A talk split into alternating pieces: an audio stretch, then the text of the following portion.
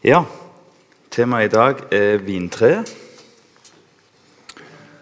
Um, og det er ufattelig spennende um, um, bilde som brukes. Og kanskje et bilde som vi her på Jæren uh, kan forstå litt om, selv om ikke det er så veldig mye vintre her. teksten er fra Johannes 15 og vers 1 til vers 8. Johannes 15, vers 1-8. Da leser vi det eh, først. Jeg er det sanne vintre, og min far er vingårdsmannen. Hver gren på meg som ikke bærer frukt, tar han bort.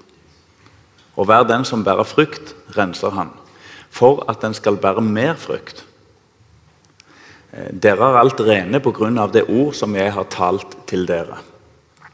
Bli meg, så blir jeg i dere. Liksom grenen ikke kan bære frukt av seg selv, men bare når den blir i vintreet. Slik kan heller ikke dere bære frukt uten at dere blir i meg. Jeg er vintreet, dere er grenene.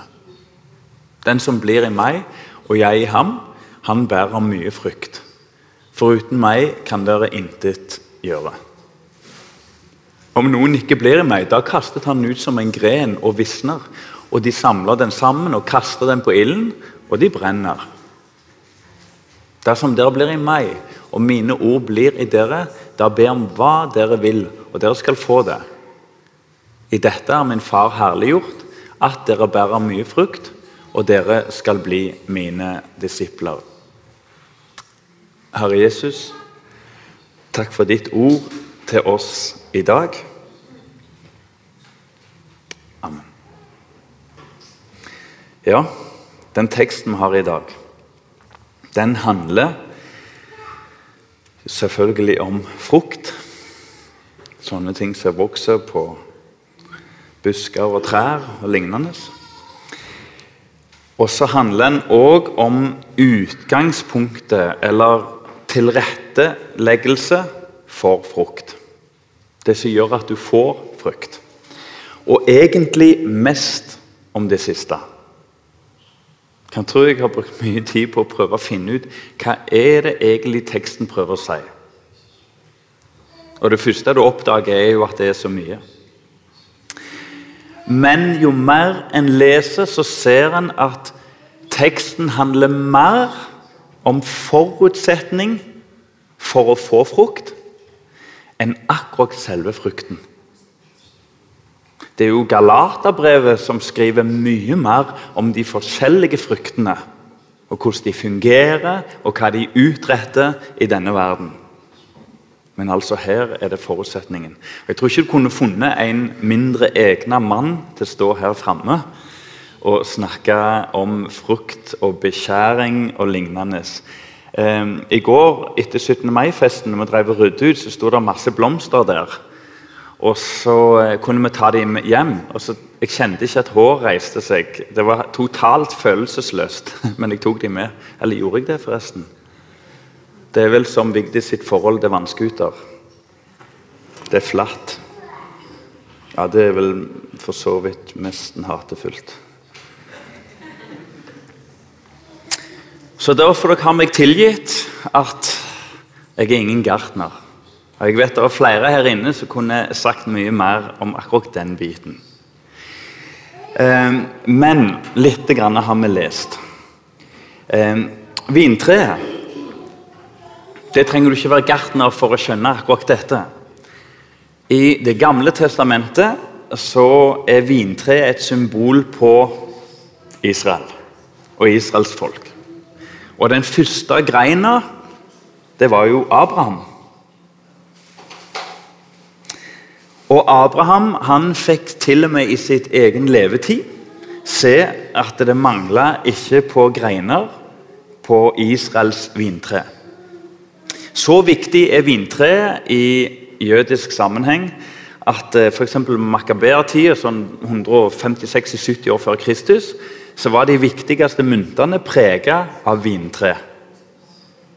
Ikke sant? Og mange redskaper hjemme hadde liksom vingreinene som liksom hanken eksempel, til ei kanne. Så israelsfolket kjenner vintreet. Um, problemet med vintreet var at det var i bunn og grunn et mislykka vintre. Eh, I Esekiel kapittel 15 og Hoseas kapittel 10 så trekker Gud noen konklusjoner når han liksom studerer sitt eget vintre. Og dette treet som ikke har stamme, som er direkte knytta til røttene, og er et nydelig bilde på Guds egen kirke på jord seinere. Når Gud trekker konklusjonen, så spesielt i Esekiel, så er det over og ut. Han sier at det liksom vintreet liksom ikke kan brukes til noe, egentlig. Det er ikke noe emne til møbler eller husbygging. Det er ikke engang emne til å brenne, men det duger til å fyre opp annen ved. Sånn skal det gå med Israel.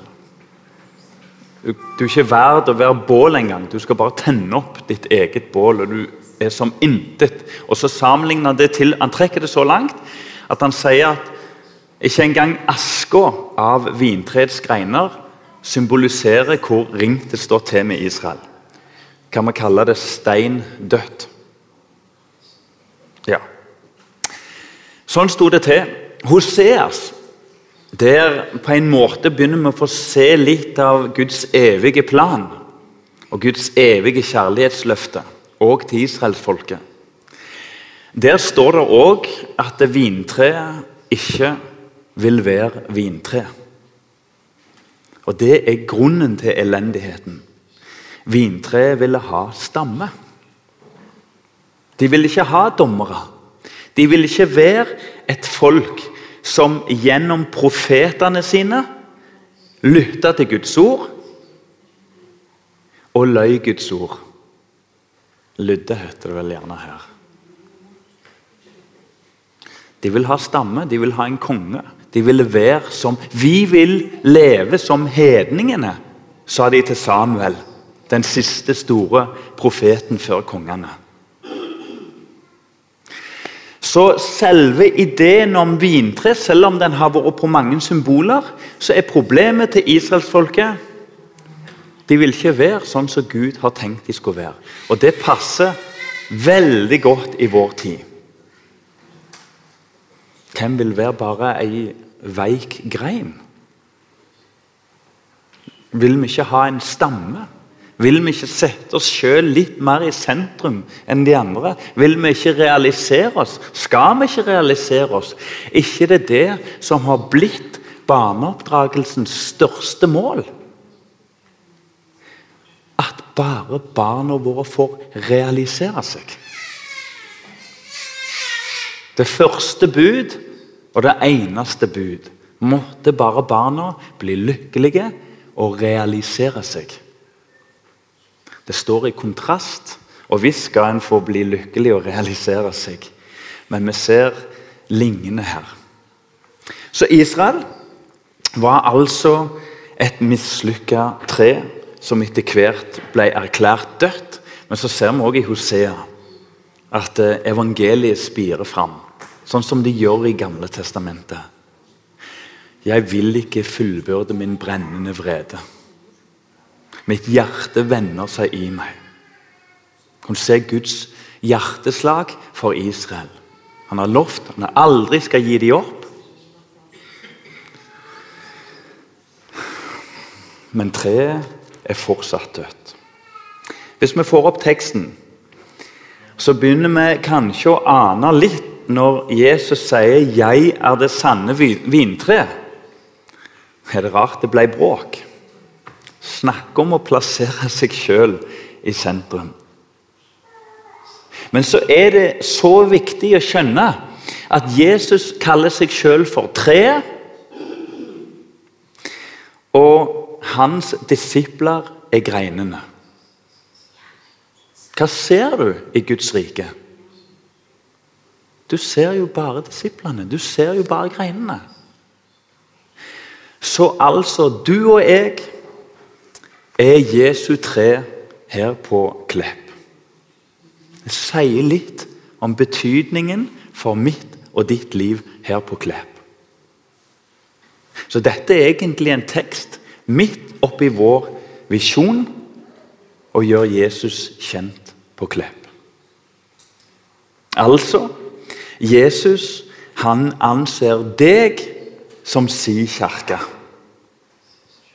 Og når vi går fram til nattverd, la oss minne hverandre om at Jesus er sentrum for det fellesskapet flere på Klepp må få del i. Vel, vel. Jeg er det sanne vintre. Der måtte jeg stoppe med en gang. Hva betyr ordet 'sant'? Er det først og fremst det at de andre trærne er døde og falske? Her er nok først og fremst ordlyden det at Jesus er et reelt tre. Hva er det makter, og myndigheter, og konger og diktatorer har prøvd på i tusenvis av år? Usynliggjør og umyndiggjør og gjemmer bort Guds vintre. Kina to millioner 1900. I dag en plass mellom 50 og 80 millioner. Det er ulike tall, men det, det, det funker ikke å prøve å gjemme vintreet. Det har gått veldig dårlig. Tenk på de første kristne. Ignatius sier det at når han er på vei til martyrdøden Her er det jo også snakk om offer, ikke sant? Og den sanne disippel. Når han er på vei til martyrdøden, vet du hva han sa? Og gjett om det gjorde inntrykk. Nå begynner jeg å bli en disippel. Det han hadde gjort før, det var liksom ikke det var ikke verdig disippelskap. Men på vei inn i martyrdøden begynte hans egentlige disippelskap. Og vet du hva? De tok livet av Ignetius, men de tok ikke livet av Den hellige ånd. Som lot vitnesbyrdet fra en mann la nye greiner spire opp. Til stor fortvilelse for ikke bare romerske ledere, men diktatorer over hele jord. Så altså Jesus er en realitet. Jeg har lyst til å minne deg som kom inn til møtet i dag. Tenk litt på det at Jesus faktisk fins. Den tanken kan glippe for en troende. At Jesus faktisk fins. 'Jeg er det sanne vintreet'. Jeg er en realitet. Vers 2. Hver gren i meg Er det noen som gikk i skolelaget på de glade 80-års dager? Eller var det 80, 90, 80? Går i surr?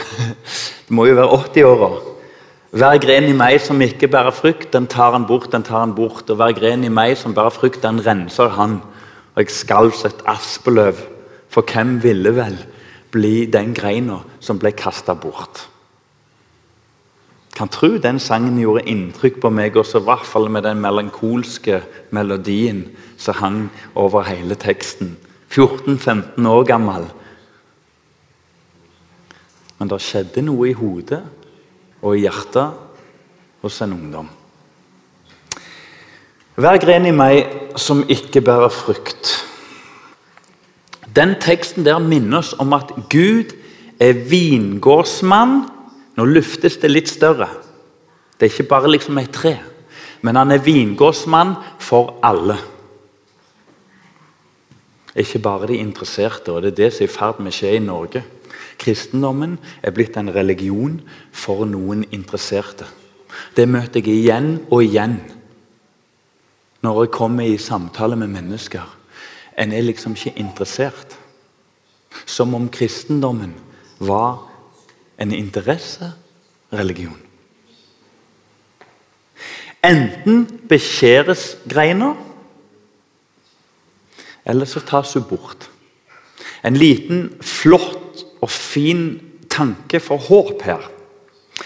Jeg har lest at det ordet der, av mange teologer og skriftssterke mennesker, så kan det ordet å ta bort greina Ikke den, den, første gangen, her, for det kommer å ta bort senere òg, men det første ordet, som, 'hver gren på meg som ikke bærer frukt', tar han bort. Det ordet som kommer der. Der er det et annet ord enn det som er brukt litt senere. Og det kan òg bety 'løfte opp'. Det skal vi ikke glemme. En sannhet i Guds rike setter ikke vekk andre viktige ting. Det at Gud faktisk fjerner døde greiner, betyr ikke at ikke Gud òg oppfordrer oss til å lete etter den greina som hang ned, og som ikke fikk vokse mot lys og mot mye frykter. Jeg tror vi ser bildet. Og kanskje det er ett menneske nå som er, kan få vokse fram som et kall. En sånn grein som du og jeg tenker på, som vi vet er jo fortsatt på vintreet, så langt vi kan se i vår menneskelighet. Et menneske som trenger hjelp. Og så er det en rettferdighetstekst. De og de er det lite av i Bibelen. Det er oppgjør og håp og trøst for alle. Så altså, Gud er vingårdsmann for alle, og i den forstand at enten så renser Gud, eller så skjer han helt vekk og bort greina. Ingen går fri. Og takk og lov for det. Um, en vingårdsmann det er jo nå vet du, Kirsten skulle vært framme og hjulpet meg, eller gjerne jeg skulle ringt når jeg går og spurt litt. Hvordan er det egentlig det virker, dette her? Men jeg kan klippe plenen, faktisk. En vingårdsmann, så jeg måtte lese meg opp, har mer fokus på vekstforhold framfor selve frukta. Vi var sykla i Spania, sykla på sida av appelsiner. Jeg synes det var veldig ensformig. Det var sitroner og appelsiner. That's it. I hvert fall veldig lenge. Det var ikke én bonde som sto ute og, og gikk og kikket og kikket på. Men de jobbet, sprøyta, bearbeida, vanna og alt som skal til for å få appelsiner. I visshet om at rette forhold gir rett frukt. Så Den teksten vi har nå, handler altså først og fremst om de gode forholdene. Vintreet har ikke stamme, kun røtter og greiner. Så teksten vår handler om at ei grein må være festa rett til røttene. Hvis du har et bilde av kristendom, at du kan leve ditt eget liv uten å ta hensyn til de andre troende som Gud har kalt din bror og din søster. Uten på noe vis ha behov for andre søstre og troende og brødre. At du tenker at òg du vil leve ditt liv som troende, heller uten å ha et noe som helst forhold til Jesus Kristus, så er din grein starta på begynnelsen av det som ender med avskjærelse og fortapelse. Så hørte jeg en som sa på en video Det at greina, bare som vi får tatt det nå, tas vekk, som kommer senere i teksten, er ikke sagt direkte at det er fortapelse, men han sier det at kanskje litt av lunkenheten til oss det var en annen by i Norge, skyldes at vi fjerner oss fra realiteten at livet har to evige utganger. Det tror jeg. Litt av realiteten, litt av kjærligheten, den ekte kjærligheten, tar i seg det at livet har to evige utganger, og at de fleste går mot fortapelse hvis Bibelen taler rett. Ok. Eh, med andre ord, vi må være knytta til greinene. Til, til røttene, mener Greinene må være knytta til røttene. Jeg har lyst til å spørre et spørsmål. Hvor kommer ekte kjærlighet fra? Hvor kommer ekte kjærlighet fra? Hvis vi skulle svart på det. Eller hva hører vi folk si at ekte kjærlighet kommer fra? Er ikke det innenfra?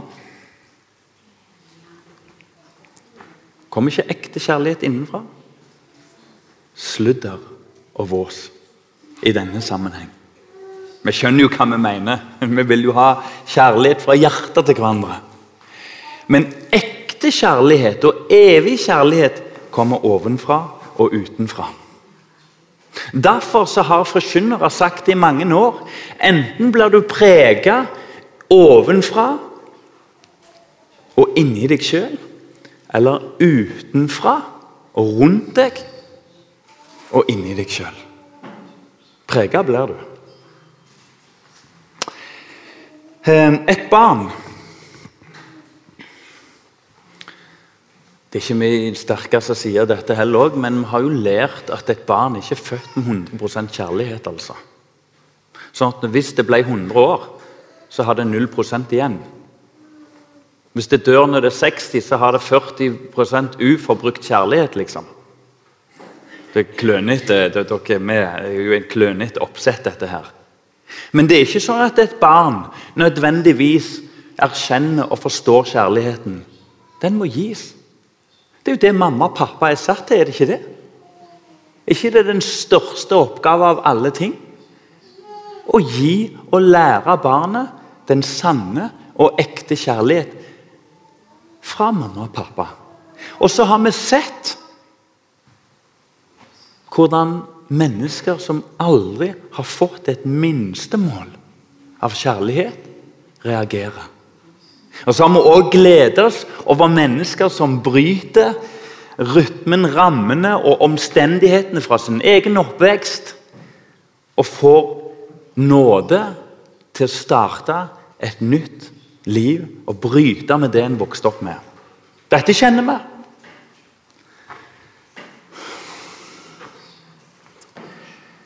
Du og jeg får ting utenfra. Nå nærmer vi oss noe av det viktigste i teksten. I vers 4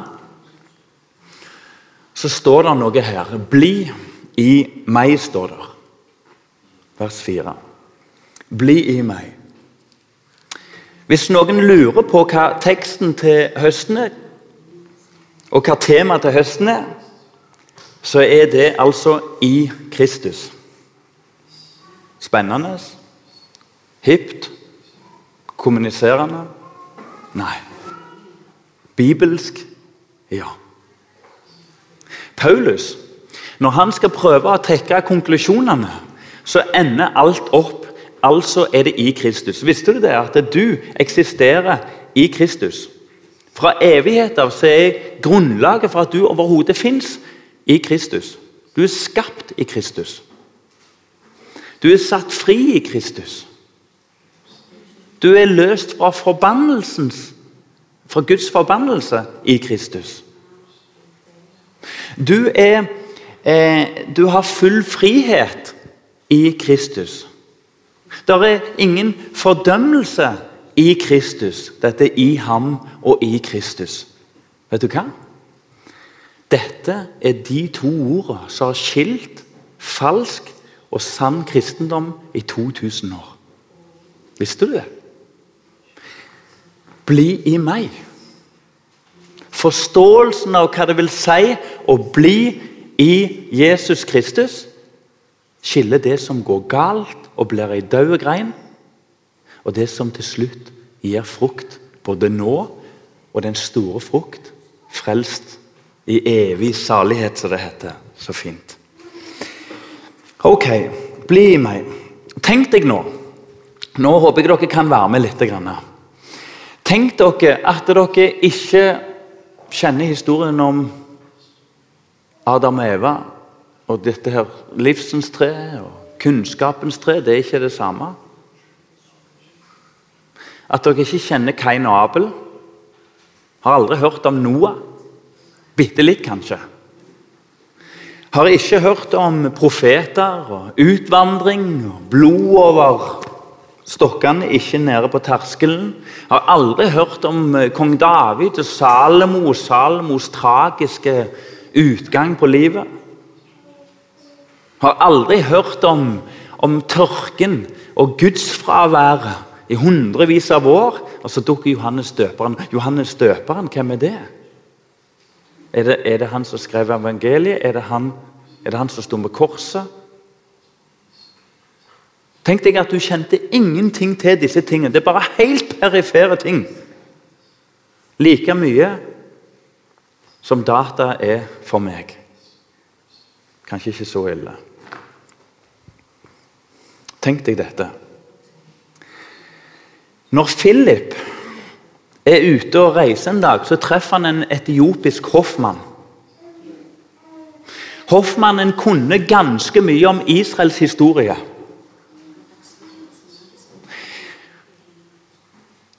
Philip får lov å sitte på i vogna hans, og de samtaler om Israel, om rettferdiggjørelse, om den gamle pakt, om den nye pakt. Tenk deg at, at Philip ut av dette totalt løsriver Jesus og sier han er en kjernekar. Han er kjærlig. Han er Guds sønn, for noe må du jo si. Det må jo henge litt liksom sammen med noe åndelig. Og så har du Den hellige ånd. Vet du hva? Jesus blir plassert inn i dette, ikke omvendt. Jesus blir forkynt inn i frelseshistorien. Hva tenker du om ditt liv? Som beveger deg inn i tanker som sier at 'dette trenger ikke jeg vite noe om'. Et tre er et tre. Herlighet, skal det være så nøye? Grantre. Vi har jo grantre her, vi har ikke vintre her med. Jeg flåser. Du, forskjellen på et grantre og vintre er så stor at det går ikke an å sammenligne det. Det er to helt forskjellige ting. Det er sann kristendom og nonsens. Det er ikke engang falsk kristendom, det er nonsens. Så Jesus han står i en frelseshistorie. Og hvis vi, Så tenker du ja, det gjelder for oss her inne. Ja, men for våre, for, for våre venner som ikke er frelst, enten her eller der kan vi rive Jesus ut av historien.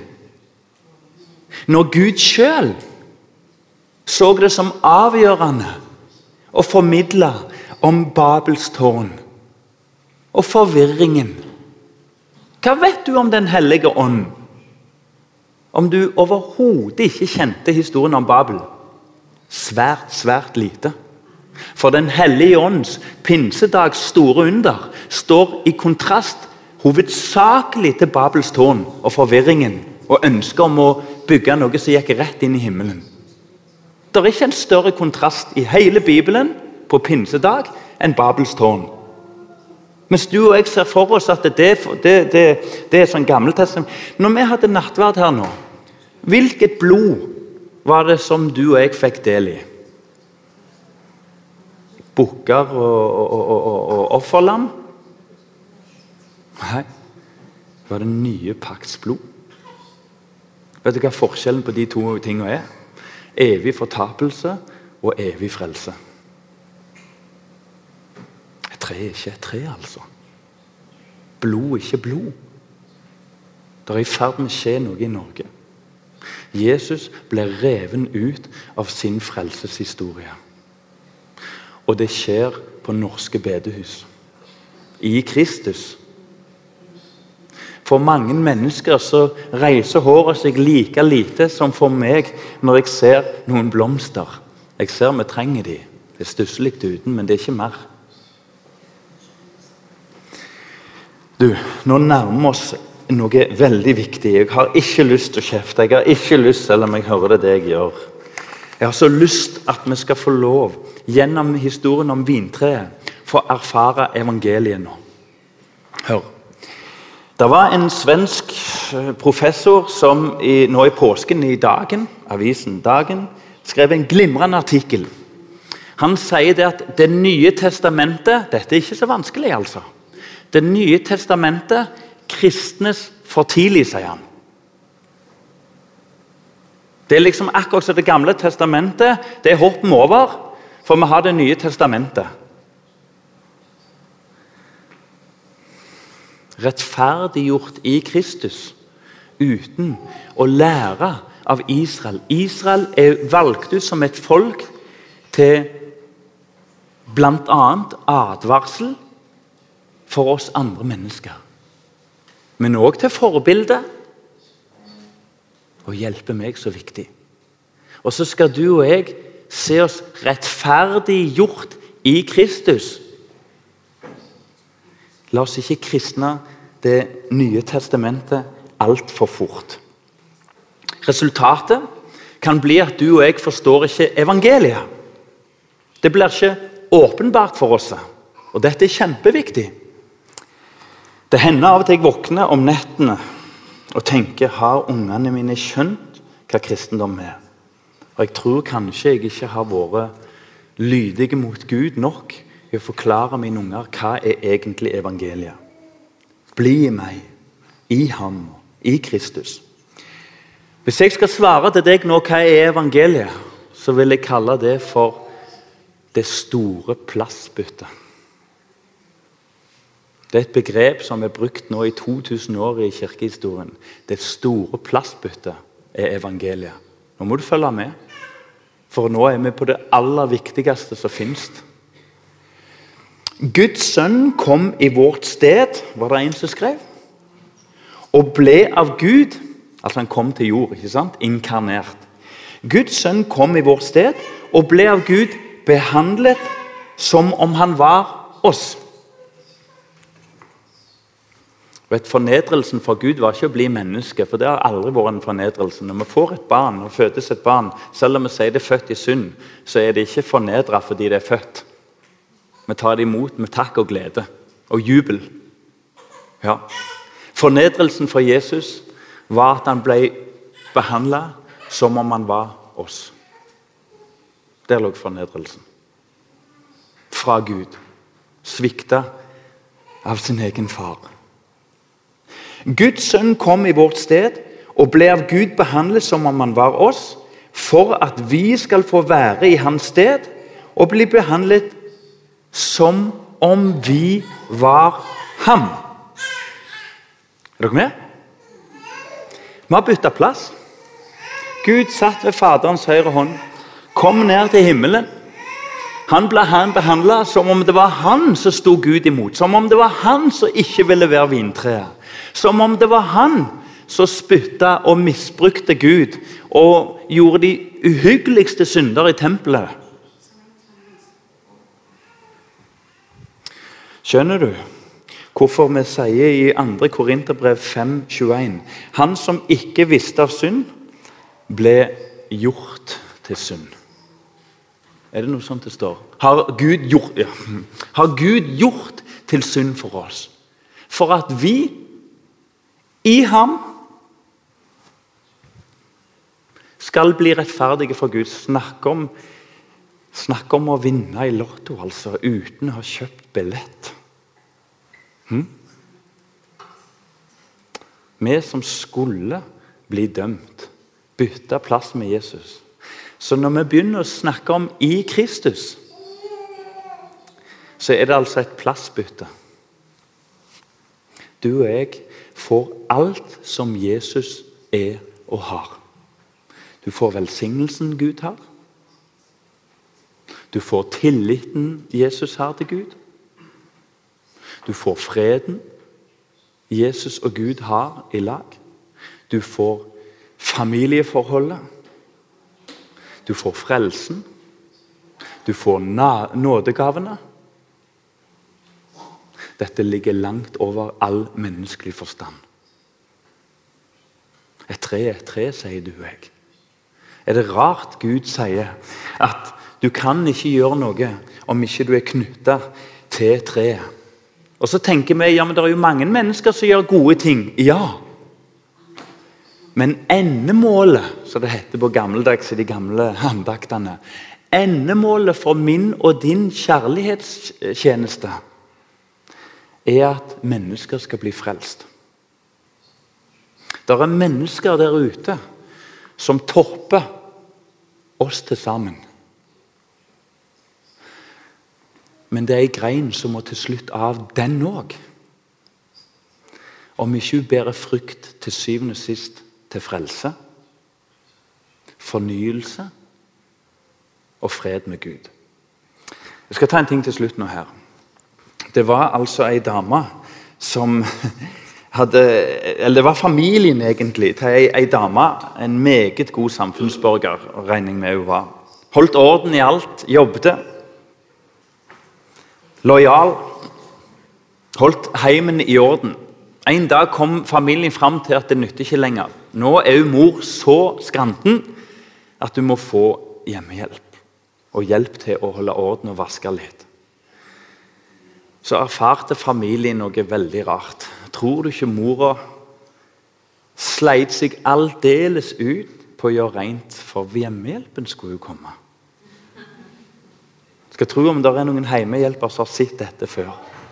Hjemmehjelpen kommer. Hvis du tenker at for at du skal være poda på treet, så må du først være klar. Så blir det like lovisk som å tenke at skal du komme opp til nattverd, så må du først gjøre deg fortjent. Vet du hva? En fortjent mann til nattverd er den som ser sin synd og tar imot Jesus. Han kan komme til nattverd. Um, fruktene For bare å avslutte den dommen. Fruktene de er jo mange. Hvis vi bare får opp Galaterne 5, så får vi lese det, og så sender vi den utfordringen til hverandre. Galaterne 5, 22 og 23. Hva er fruktene som kommer ut av det å være poda, det å være eh, festa til røttene? Men åndens frukt er kjærlighet. Husk på åndens frukter og nådegaver er ikke helt det samme for den som er interessert. Men åndens frukter er kjærlighet, glede, fred, langmodighet, mildhet, godhet, trofasthet, saktmodighet, avholdenhet. Mot slike er loven ikke. Hvem er dette her? Syns jeg har Sitter der mennesket. Det er jo Jesus Kristus sjøl. Her om dagen var det en som ble sint på meg. Det burde han ikke blitt. Han hadde ingen grunn til det. Han plukket ut meg. Det er litt interessant å måle seg opp mot dette her. Hvordan reagerer jeg på det? Jeg flynt av glede og langmodighet, trofasthet, godhet, avholdenhet, sakkmodighet? Eller kaster jeg meg ut i situasjonen som en hedning som ikke kjenner Jesus? Eller en lunken som har mista åndens første frukt kjærlighet? Det var en pastor, en forkynner, som møtte tre pastorer. Han hadde talt. Og Så satt de på en kafé etterpå og lurte på Det er så lite kjærlighet iblant oss. Det er så lite gode gjerninger iblant oss. Hva tenker dere? Hvordan er det her? Er det kjærlighet og gode gjerninger? Vi må be om å få mer av det. Vet du hva pastoren sa? Hvis dere ikke har kjærlighet, så er dere ikke troende. 1. Johannes 3, 14. 1. Johannes 3, 14. Merk deg det. Den som ikke har kjærlighet, er ikke troende.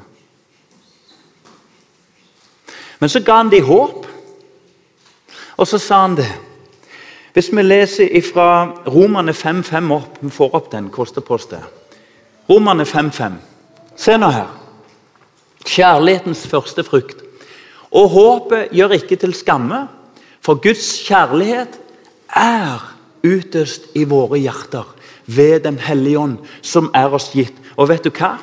Jeg møter noen mennesker i fokus, for jeg kan ikke først og fremst eh, gå rundt og glede meg bare over alle andre. Vi må lete er det noen med kjærlighetens frukt iblant oss. Noen som hengir seg sjøl til tjenesten.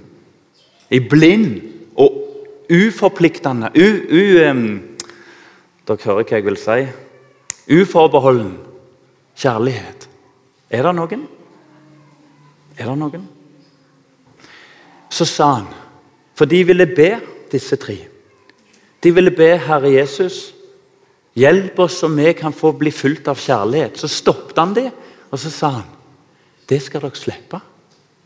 For har dere tatt imot Jesus, så er kjærligheten der. Men be om at han tennes opp på ny. Hva var det Timoteus fikk beskjed om? Å finne kjærligheten? Å få kjærligheten? Nei, da hadde jo Paulus sagt at han var en vissen og død gren. Opptenn kjærligheten som bodde i din mor og i din mormor. Så jeg har lyst å utfordre hele menigheten til at åndens frukter, som er lagt ned i oss For dette er ikke nådegaver.